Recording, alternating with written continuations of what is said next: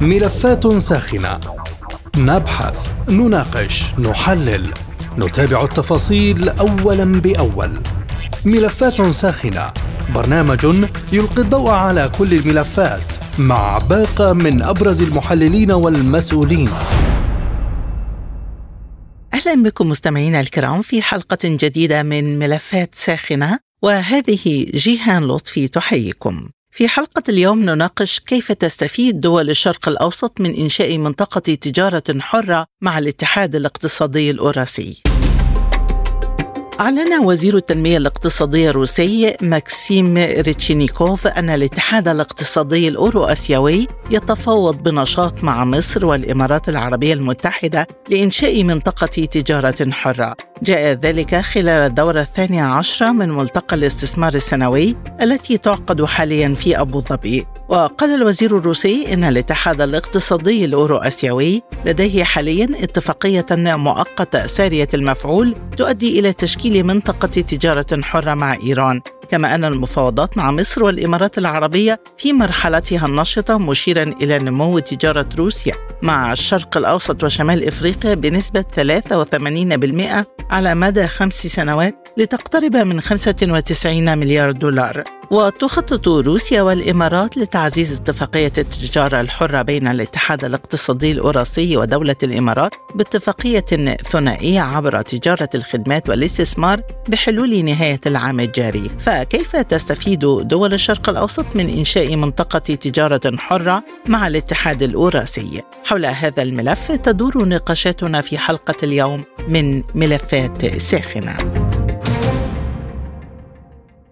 البداية من موسكو ومعنا عبر الهاتف الدكتور آصف ملحم الباحث الاستراتيجي. مرحبا بك معنا دكتور آصف وسؤال حلقة اليوم كيف تستفيد دول الشرق الأوسط من إنشاء منطقة تجارة حرة مع الاتحاد الاوراسي أستاذ جهال لو تأملنا الفضاء الاوراسي بشكل جيد يعني هو يضم كل هذا الشرق الممتد من عمق البلقان وشمال إفريقيا حتى بحر اليابان تقريبا. هذه المنطقة تحديدا يتركز فيها أكثر بكثير من نصف سكان العالم. كمان تتركز فيها يعني ثروات كثيرة جدا. أما عن موضوع الاستفادة من هذا الموضوع فنلاحظ الصين أنها كقوة اقتصادية كبيرة وصاعدة. والرئيس الصيني منذ سنوات طرح مفهوم أو مشروع بالأحرى الحزام والطريق الذي سيربط كل دول العالم بالصين. يعني وستكون عقدة الربط الحقيقية في آسيا الوسطى وقسم من هذا الطريق يتجه باتجاه منطقة الشرق الأوسط وشمال إفريقيا. هذه المنطقة مليئة بالثروات طاقة بشرية كبيرة وطاقة اقتصادية كبيرة. وبالتالي أعتقد ضمن هذا المفهوم سيتاح لدول الشرق الأوسط خيارات أخرى مقارنة مع الخيارات الغربية المطروحة. يعني الغرب عنده ما يمكن أن نسميه يعني النظام الاقتصادي الرأسمالي. مجموعة من الشركات المعروفة والثابتة منذ أكثر من 100 عام. ولكن هنا نحن أمام يعني نوع من الخيارات الجديدة بالنسبة لهذا الشرق. وبالتالي قيام مثل هذه مثل هذه المناطق التجارة الحرة أو التكامل ضمن الفضاء الأوراسي سيتيح لهذه الدول الحصول على منتجات أرخص. سيتيح له منافسة قد تكون أرخص وأكثر شرفا من المنافسة مع الدول الغربية لأن المفهوم الغربي للمنافسة الاقتصادية يقوم بشكل أساسي على شكل من أشكال الاغتصاب إن صح التسمية على شكل من أشكال الاستعمار المالي والاقتصادي عبر دمج هذه الدول ضمن منظوماتها المالية والصناعية. ولكن دكتور الرئيس بوتين قال إن الاتحاد الاقتصادي الأوراسي لديه كل الفرص ليصبح أحد الأقطاب المستقلة القوية في عالم متعدد الأقطاب. إلى أي مدى يمكن أن تسهم الاتفاقات الجديدة في التجارة الحرة؟ في تحويل الاتحاد الأوراسي لقطب عالمي سياسي واقتصادي. يعني المشكلة نحن نعيش حالة من التنافس. يمكن توصيفها بأنها ليست حالة تنافس بين مجموعة بالأقطاب بقدر ما حالة من التنافس بين مشروعين. مشروع تطرحه روسيا والصين والهند والعالم العربي. يعني العالم العربي طبعا هو أحد وإفريقيا وأمريكا اللاتينية يعني أحد يعني ركائزه. آه، الأساسية. وضمن هذا التيار الثاني قد يكون لدينا مجموعة من الأقطاب الاقتصادية التي لا تقبل بمفهوم الهيمنة الأمريكية. بالطبع آه، هو مشروع مواجهة كما قلت للمعسكر الغربي، للمعسكر الذي آه، يعني نحن نلاحظ يعني الامثله كثيرة أستاذ جيهان يعني لو إفريقيا مثلا، إفريقيا تعاني الويلات، الحروب والفقر والمجاعات والإرهاب والجريمة. وكل خيرات إفريقيا تذهب إلى أوروبا، يعني نحن نعلم جيدا بريطانيا تشكل أحد أكبر الملاذات الضريبية في إفريقيا، الشركات متعددة القوميات ومتعددة الجنسيات تنهب إفريقيا، يعني الأرقام التي لدينا على سبيل المثال في عام 2016 على ما أتذكر يعني حجم الأموال التي دخلت إلى إفريقيا حوالي 160 مليار دولار، أما حجم الأموال التي خرجت من إفريقيا 220 مليار دولار، اذا هناك نوع من السرقة، تهرب من الضرائب، عدم الالتزام بالمعايير البيئية في إفريقيا، معظم الشركات تدخل إلى أفريقيا على سبيل المثال لا تلتزم بهذه المعايير يعني وليس فقط من أجل توفير بعض الأموال وتلزم القارة الأفريقية يعني بدفع كميات كبيرة من الضرائب بسبب التغير المناخي، إذا هناك نوع من النهب غير المباشر، السلب غير المباشر لخيرات هذه القارة، والأمثلة أيضا ليس الأمثلة الأخرى يعني في آسيا أو في أمريكا اللاتينية لا تختلف عن إفريقيا ولكن إفريقيا المشكلة فيها الأكثر عمقا للأسف الشديد، اذا روسيا والصين تطرحان مقاربة أخرى، نحن لسنا ضد الاستثمار، نحن لسنا دخول يعني دولة أخرى ان تستثمر في دولة أخرى ولكن يكون في نوع من العدالة بالاستثمار، وأنا أستذكر في هذا السياق كلمة الرئيس السنغالي عبد الله واد الذي قال ليس على إفريقيا أن تتعلم من الصين. بل على الغرب أن يتعلم أيضا من الصين لأن روسيا الصين العالم العربي يعني إيران تركيا كل هذه الدول تدخل إلى هذه القارة بهدف الاستثمار على مبدأ المنفعة والمنفعة المتبادلة وليس على مبدأ الاستغلال والسلب لخيرات هذه القارة. وهنا الفرق يعني لدينا نحن يعني ليس عالم متعدد الاقطاب بمفهوم التقليد الكلمة وإنما هناك معسكران وقد نشهر في قلب المعسكر الآخر يعني لو أخذنا المعسكر الغربي يعني أوروبا والولايات المتحدة الأمريكية هناك تنافس بينهما اقتصادي وقد نشهر تشكل ضمن هذا المعسكر الليبرالي تشكل معسكر أوروبي ومعسكر أمريكي. أما في عندنا في في العالم الشرقي قد نشهد يعني تشكل مجموعة من الأقطاب ضمن هذا التيار. قد تكون الصين قطب الهند قطب العالم العربي قطب إفريقيا قطب أمريكا اللاتينية قطب. وهذا يعني لا روسيا تحبذه وروسيا تدافع عنه لأن العمق الحقيقي أستاذ جيهان ليس في الاقتصاد وليس في الأرض وإنما هو عمق إيديولوجي ناجم عن أن هذه الشعوب شعوب هذا الشرق الصين الهند العالم العربي العالم الإسلامي ترسخت قيمه وحضارته عبر قرون طويلة من التفاعل الاقتصادي من التفاعل الاجتماعي والاندماج الاجتماعي وبالتالي هذه القيم تنظر إليها روسيا على أنها الأكثر رسوخا والأكثر قربا من قيم الإنسان وفطرة الإنسان الحقيقية. اذا إلى أي مدى يمكن أن تساعد هذه الخطوة موسكو على تجاوز العقوبات الغربية بوجود تجارة حرة مع منطقة عربية خاصة في مجال الطاقة؟ أستاذ جيهان يعني بدأنا نلحظ نحن ثمار هذا التفاعل مع باقي دول العالم الأخرى غير العالم الغربي مباشرة. والأمثلة كثيرة بالمناسبة يعني روسيا بعد القيام بعمليتها العسكرية الخاصة بدأت تفهم أن العقوبات الغربية ستنهال عليها ولا طائل من أي حوار مع الغرب، الغرب يعني أغلق الباب أمام روسيا والحوار معهم في الواقع عديم المعنى خاصة في ظل في ظل هذا المناخ من غياب عدم الثقة بين الطرفين، فاتجهت هي إلى تركيا إلى مصر إلى الإمارات إلى السعوديه السعودية إلى الصين إلى الهند وبدأت تحل مشاكلها، روسيا لو تأملنا يعني ما الذي ينقص روسيا من الناحية الاقتصادية؟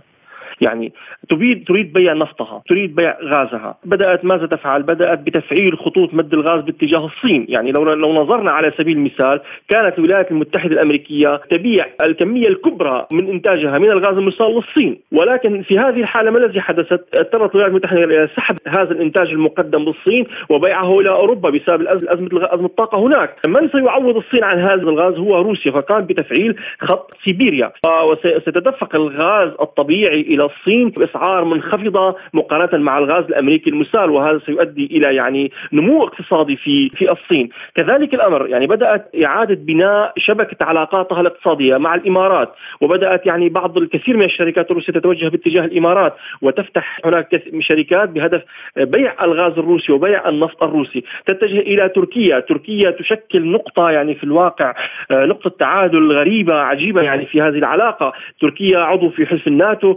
وتركيا يعني في نفس الوقت تحاول تعميق علاقاتها مع الاتحاد الأوروبي ولكنها تسلك سلوكا متوازنا إن صحت التسمية مع بين الطرفين. وهذا تقبله روسيا بالمناسبة وليس هناك أي مشكلة، لو أخذنا أيضا شمال إفريقيا الجزائر مصر كل هذه اذا روسيا تحاول إعادة شبكة علاقاتها الاقتصادية مع جميع هذه الدول بهدف حل مشاكلها الاقتصادية وقد نجحت إلى حد كبير في ذلك، الموارد الروسية كبيرة جدا يعني إذا قامت روسيا ببيع نفطها وغازها يعني بسعر منخفض مع مع السعر العالمي المتفق عليه فأعتقد لن تخسر كثيرا يعني. هنا النقطة، النقطة الثانية هناك بعض منتجات التكنولوجيا التي لا تنتجها روسيا على سبيل المثال خاصة في مجال الإلكترونيات. يعني تستوردها من الصين من الهند ويعني آه نلاحظ أستاذ جيهان يعني الوزير الخارجية الروسي دوما في حالة استنفار مستمر يجول العالم طولا وعرضا كل يوم في في دولة يعني بهدف تعميق هذه العلاقات مع باقي دول العالم. وبالتالي ستنجح روسيا بكل تأكيد. نعم هناك يجب أن نكون نحن واقعيين. أيضا أستاذ جيهان هناك بعض المعاناة يعني في المجتمع الروسي وأنا أعلم ذلك جيدا. لو أجرينا مقارنة سريعة بعد انهيار الاتحاد السوفيتي انفتح العالم الغربي ومنتجاته أمام روسيا. والكثير من من الشركات الصناعية استورد بعض الأجهزة والمنشآت الصناعية من العالم الغربي.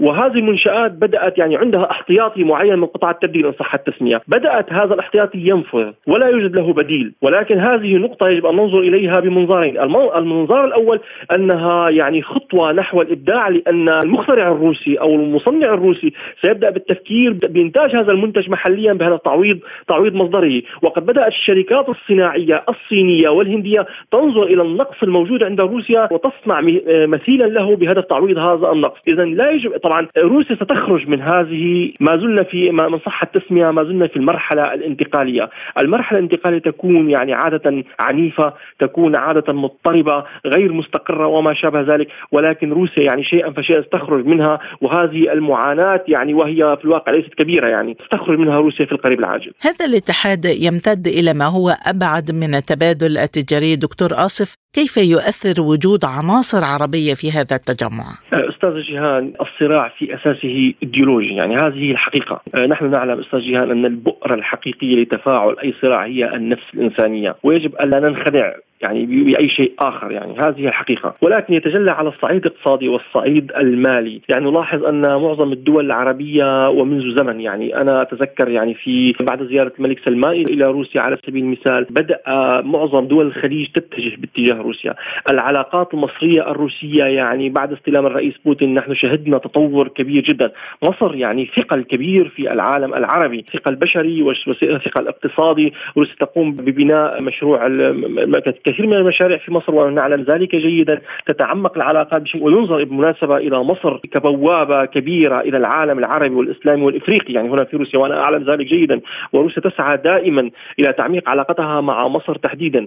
آه، السورية يعني آه، كذلك الأمر يعني ولاحظنا في الفترة الأخيرة يعني سعيا روسيا شديدا يعني لإعادة ضم روسيا إلى العالم العربي. وهذا يعكس اهتمام اهتمام روسي بوحدة العالم العربي. وأن يكون لا أريد أن أتحدث عن شعارات الوحدة العربية، على الأقل أن يكون هناك وحدة في الآراء أو يعني نوع من التنسيق في الآراء فيما بينها، روسيا تنظر إلى باقي الدول انطلاقا من المفهومين التاليين، لا يوجد عندنا مشكلة بأن تقوم الدولة بمراعاة مصالح شعبها، ولكن إذا حصل نوع من التضارب في المصالح بين الطرفين، روسيا تحبذ دائما لغة الحوار، وخير مثال على ذلك هي الحوارات التي جرت بين روسيا وتركيا، يعني كادت روسيا وتركيا أن تتصادمان وتتحولان إلى عدوين على الأرض السورية. ولكن بالحكمة الروسية والحوار الروسي استطاعت روسيا تحويل تركيا من خصم وتقريبا عدو إلى حليف يعني وفي القريب العاجل يتحول إلى حليف استراتيجي. يعني نحن لاحظنا العالم العربي يعاني من الهيمنة الغربية. العالم العربي يعاني من هذه الغطرسة والتدخل الغربي في الشؤون الداخلية للدول العربية. ويعني لاحظنا بعد قيام العملية العسكرية الروسية في أوكرانيا بدأت دول الخليج نفسها رغم رغم أنها تقول كل يوم بأن علاقاتنا عميقة مع مع الولايات المتحدة الأمريكية بدأت تتجه باتجاه روسيا. ومصر أيضا أنا وفق معلوماتي تركيا مصر السعودي السعودية في القريب العاجل قد تنضمان إلى منظمة شنغهاي للتعاون وقد تنضمان أيضا إلى إلى مجموعة بريكس، اذا نحن أمام نمو لهذا الشرق لهذا الفضاء الأور... الذي نسميه طبعا اصطلاحا الفضاء الأوراسي، الفضاء الأوراسي جغرافيا يمتد من البلقان مرورا بتركيا والشرق الأوسط حتى بحر اليابان، ولكن هذا المصطلح يمكن تغييره حتى يضم إن صح التسميه الفضاء الأوراسي والجنوب أيضا، لأن أفريقيا كما قلت وشمال أفريقيا وأمريكا التي هو جزء من هذا العالم، يعني نحن أمام تحول ولن تتمكن أستاذ جيهان. يجب أن يكون الأمر واضح أن روسيا عندما انطلقت بعملياتها العسكرية الروسية الخاصة هي كانت هي كانت مجرد شعار يعني آه، العملية آه، حماية سكان دنباس ولكن تعلم في العمق أنها أمام مواجهة كبيرة وأنها قد تواجه هذا العالم الغربي كله. وروسيا تقول كل يوم وكل ليلة أن نحن مستعدون لحماية كل هذه هذه الدول التي ذكرتها. تحت المظلة النووية الروسية ولن يتجرأ هذا الغرب يتد... سيحاول الغرب لن يسكت. يعني الغرب لديه ما زال لديه من أوراق القوة؟ ما زال لديه آه، بعض الأدوات هنا وهناك؟ وقد يحرض بعض الصراعات المحلية في بعض الدول يعني ما زال الأمن فيها رخو. على وأنا سمعت يعني منذ فترة أنها أن الولايات المتحدة الأمريكية عن طريق بعض أذنابها في أفغانستان آه، بالرغم من خروجها من هناك بدأت تحرض على صراع مع طاجكستان. ولكنها لن تنجح في ذلك لأن روسيا والصين والهند فهمت هذه الألاعيب الأمريكية. وأي صراع سيتم تأجيجه في أي نقطة من العالم ستدخل روسيا مباشرة على خطه وحله. وآخر مثال الصراع السودان. يعني روسيا قالت نحن مع الحلول الإفريقية. في إفريقيا نحن يعني نؤيد الحلول الإفريقية أن يعمل بالمبدأ الذي تم وضعه في إفريقيا مشاكل إفريقية حلول إفريقية. هذا ترحب به روسيا. على أن لا يتدخل العالم الغربي في هذا الصراع من أي يعني لأن العالم الغربي تعودنا ان أنه لا يتدخل لا من أجل حقوق الإنسان ولا من أجل الحريات بل يتدخل فقط من أجل مصالحه الخاصة. من موسكو الباحث الاستراتيجي الدكتور آصف ملحم كنت معنا. شكرا جزيلا على هذه الإيضاحات. وحول الأثر الاقتصادي للتجارة الحرة بين الاتحاد الأوراسي والإمارات ومصر معنا من بيروت الدكتور بيير عزار خبير الشؤون الجيوسياسية والاقتصادية أهلا بك دكتور بيير ضيفا عزيزا عبر أثير سبوتنيك بداية ما أهمية إنشاء منطقة تجارة حرة للاتحاد الأوراسي مع مصر والإمارات وكيف تنعكس هذه الخطوة على اقتصادات البلدين؟ تحياتنا لحضرتك إعلاميتنا ولكل المستمعين ربما هذا من أهم المواضيع ولكنها من المواضيع التي تحتاج إلى صياغات دقيقة لأنه عندما نقول باتحاد أوراسي يعني نقول تأثير روسي مباشر يعني أي محاولة لأي منظومة ضمن فلك الاتحاد الأوراسي أن تتحرك خارج تأثيرات روسيا فهذا أمر سوف يؤدي حكما إلى إفشال كل العملية، يعني آه، عندما يكون هنالك طموح دائم سواء من جزء من الجمهوريات السوفيتية السابقة للانضمام إلى العالم الغربي تحت مسمى العالم الغربي وهو توصيف غير دقيق لأن الولايات المتحدة لا تنتمي إلى العالم الغربي وحلف شمال الأطلسي فيه تذبذبات كثيرة. ولكن عندما نقول الاتحاد الاوراسي على الكل أن يفهم نقطه أساسية بأن روسيا لن تسمح بأي شيء إلا ضمن فلكها، يعني إذا تم بناء هذه المنطقة التجارية الحرة ضمن الاتفاق المباشر مع روسيا دون تدخل من التذبذبات الغربية تحت مسمى الرأسمالية الكبرى يصبح هنالك جدوى كبيرة من هذا الاتفاق ويعود بالفائدة إلى كل من جمهورية مصر العربية ودولة الإمارات العربية. المتحدة دكتور الدول الأعضاء في الاتحاد الأوراسي لديها تصور لعملة موحدة في هذا السياق هل يتأثر مشروع التبادل بالعملات المحلية بين روسيا ودول المنطقة بهذه الاتفاقيات المجمعة للتجارة الحرة مع مصر والإمارات؟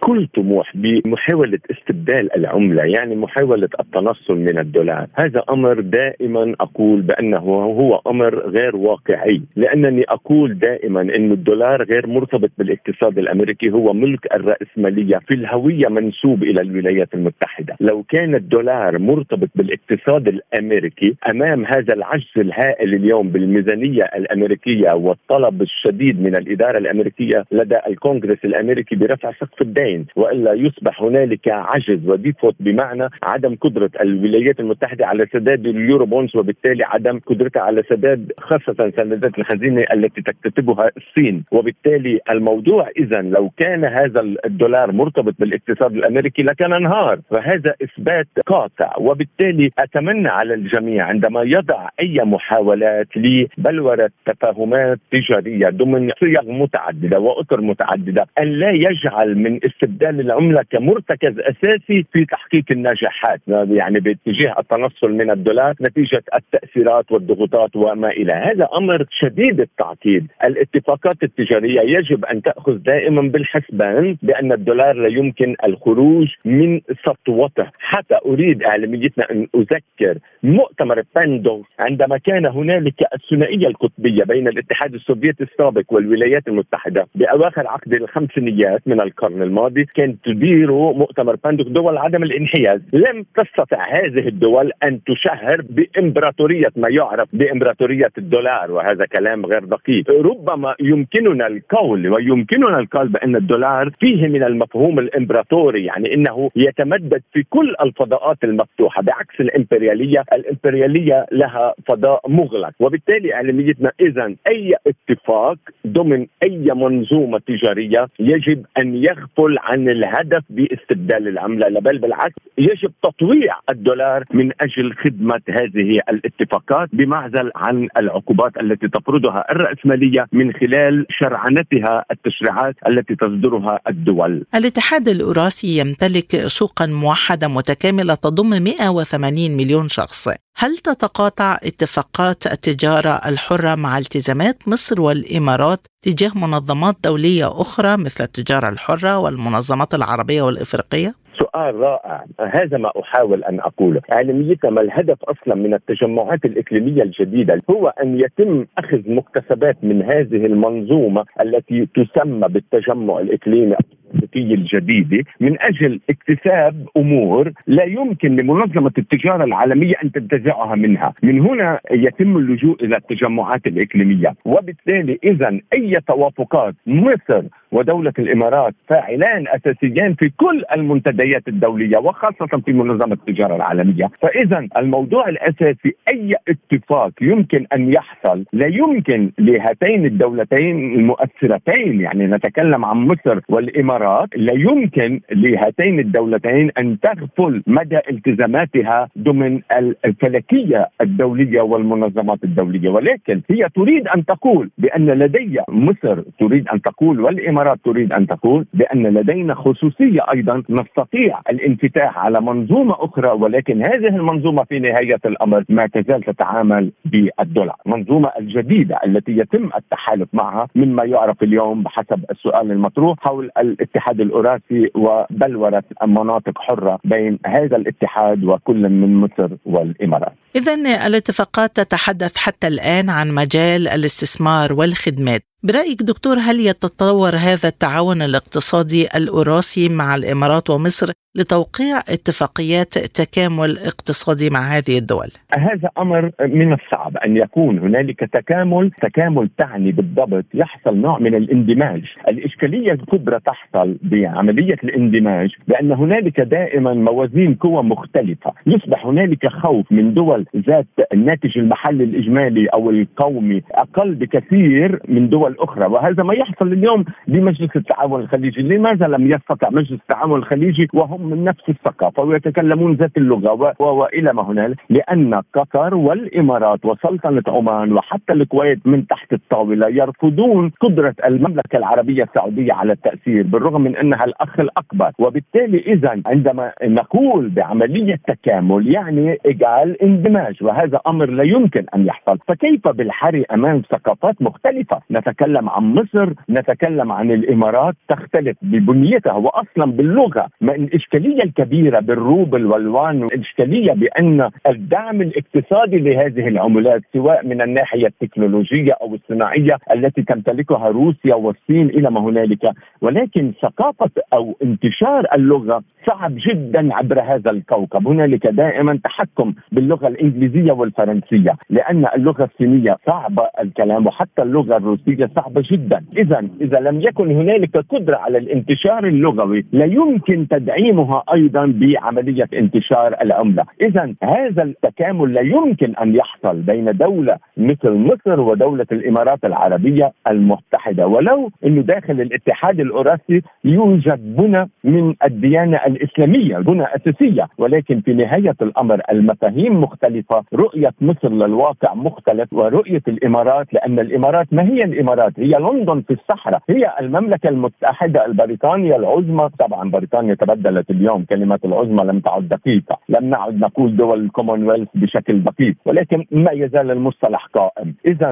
الإشكالية الكبيرة هي في تفاوت الثقافه أو تباعد بالثقافة أو الثقافات ولكن هنالك اتفاق لخلق قواسم مشتركة بين هذه الثقافات ولو بالحد الأدنى. المطلوب من أجل بلورة اتفاقات تجارية يمكن بطريقة أو بأخرى تدعم العلاقات الإنسانية فيما بين هذه الحضارات لأنها حضارات وخاصة مصر مصر إنها حضارة بحد ذاتها لها تاريخ وجذور وآلاف السنين وبالتالي هذا أمر حساس جدا. في وجود محاولات استقطاب حادة على الساحة الدولية ومع تعرض دول مثل أرمينيا وأذربيجان وهي أعضاء في الاتحاد الأوراسي لمشكلات جيوسياسية وأيضا في ظل التطورات الجيوسياسية الحالية. هل هناك ما يهدد استمرارية نمو الاتحاد الأوراسي على المستوى الاقتصادي؟ يعني أيضا سؤال مهم لأنه أيضا لنقل أرمينيا وأذربيجان عندما نقول أذربيجان بداية يجب أن لا نغفل تأثير الجمهورية الإيرانية لأنه جزء كبير ونسبة ما يقارب أو يقرب على ال 25% من سكان الجمهورية الإيرانية هم من جذور آذرية وأرمينيا دائما عندما حصلت الإشكالية حول ناغورني كارابا كان هنالك نوع من ردود فعل لدى ارمينيا بأنهم كانوا يطالبون الرئيس فلاديمير بوتين بالتدخل عسكريا عندما حصلت الأزمة مؤخرا وهي أزمة لها وقت طويل ولكنها تجذرت في الاونه الأخيرة. وأرمينيا بطبيعة الحال هي في واقع الأمر تريد أن تستمر في التحالف العميق مع روسيا ولكن في الوقت نفسه هي تسعى دائما إلى محاولة أيضا الانفتاح. اذا باتجاه العالم الغربي لأنه دائما هنالك انبهار بالحضارة الغربية وهي حضارة تراكمية غير منحصرة بمجموعة معينة من الثقافات ولكن استطاع العالم الغربي وخاصة مع هذا التطور التكنولوجي وشبكات التواصل الاجتماعي والتلفزة إلى ما هنالك من جعل بأن هذه الحضارة هي بناة الانجلو ساكسونيه فقط وليس فيها تراكم من الحضارات وبالتالي اذا دائما لدى الجميع حتى من يحاول أن يتنصل من الحضارة الغربية أو ينزعج منها. هنالك انبهار حقيقي من هذه الحضارة التي ما يزال وقعها قوي جدا وأفولها ما يزال الأمر بعيد جدا. وهذا أمر يؤثر حكما على الجمهوريات السوفيتية السابقة التي هي تعيش إلى حد ما صراع ما بين الاندماج مجددا مع روسيا ويتخوفون من تاريخ معين والاتجاه نحو الغرب وهم يجدون أنفسهم كمان أيضا غرباء عن الغرب. فإذا يصبحون أمام إشكالية كبيرة ولكن في نهاية الأمر يحاولون ويفضلون أيضا الانضواء ضمن روسيا ولكن مع الحفاظ على بعض الخصوصية. وهذا ما تحاول أوكرانيا أصلا التي تعتبر نفسها بأنها قومية مستقلة. وهذا أمر أدى إلى خطأ وقوع أوكرانيا بخطأ جسيم. ومحاولة الاندماج الكامل مع العالم الغربي دون الأخذ بعين الاعتبار تأثيرات روسيا. وهذا أمر سيان على أذربيجان وعلى أرمينيا وعلى تركمستان وأوزبكستان وكازاخستان وكيرغيزستان وكل الدول لأنه عندما تفكك الاتحاد السوفيتي انقسم إلى 15 جمهورية منها أوروبية منها كوكازية ومنها آسيوية أخيرا دكتور وبالحديث عن إيران بعد انضمام إيران للتجارة الحرة مع الاتحاد الأوراسي والآن توجد مفاوضات مع دول عربية ما هو المردود السياسي المتوقع لاتفاقات التجارة الحرة المتعددة للاتحاد الأوراسي مما لا شك فيه. النتائج السياسية تبحث عن أماكن للاستثمار لما لها من قدرات اقتصادية. ولكن الكل يعلم بأن أوراسيا هي منطقة حساسة بالنسبة لروسيا ولكن بالرغم من تصاعد النفوذ الروسي تجاه المجموعة الأوراسية ولكن هذه المجموعة دائما لديها مخاوف. وإن على الجانب الروسي أن يسعى دائما إلى تبديد المخاوف بان علاقته مع الجانب الأوراسي هي علاقة أشقاء وليست علاقة هيمنة وليست علاقه أخ أكبر وأخ أصغر ولكن في نهاية الأمر أنا واثق بأنه القيادة الروسية وتحديدا الرئيس فلاديمير بوتين يمتلك القدرة بإقناع الاتحاد الأوراسي بأن تطوير العلاقات فيما بينهم مهمة جدا دون الحاجة لأي مخاوف باتجاه أي مظاهر من الهيمنة أو التفاوت ما بين الأخ الأكبر والأخ الأصغر. بحديثي إلى الخبير في الشؤون الجيوسياسية والاقتصادية الدكتور بيير عزار نكون قد وصلنا إلى ختام حلقة اليوم من ملفات ساخنة قدمته لكم جيهان لطفي وللمزيد زوروا موقعنا على الإنترنت سبوتنيك دوت إي إي شكرا لطيب المتابعة وإلى اللقاء. مستمعينا بهذا نصل وإياكم إلى نهاية هذه الحلقة من برنامج ملفات ساخنة. طابت أوقاتكم وإلى اللقاء.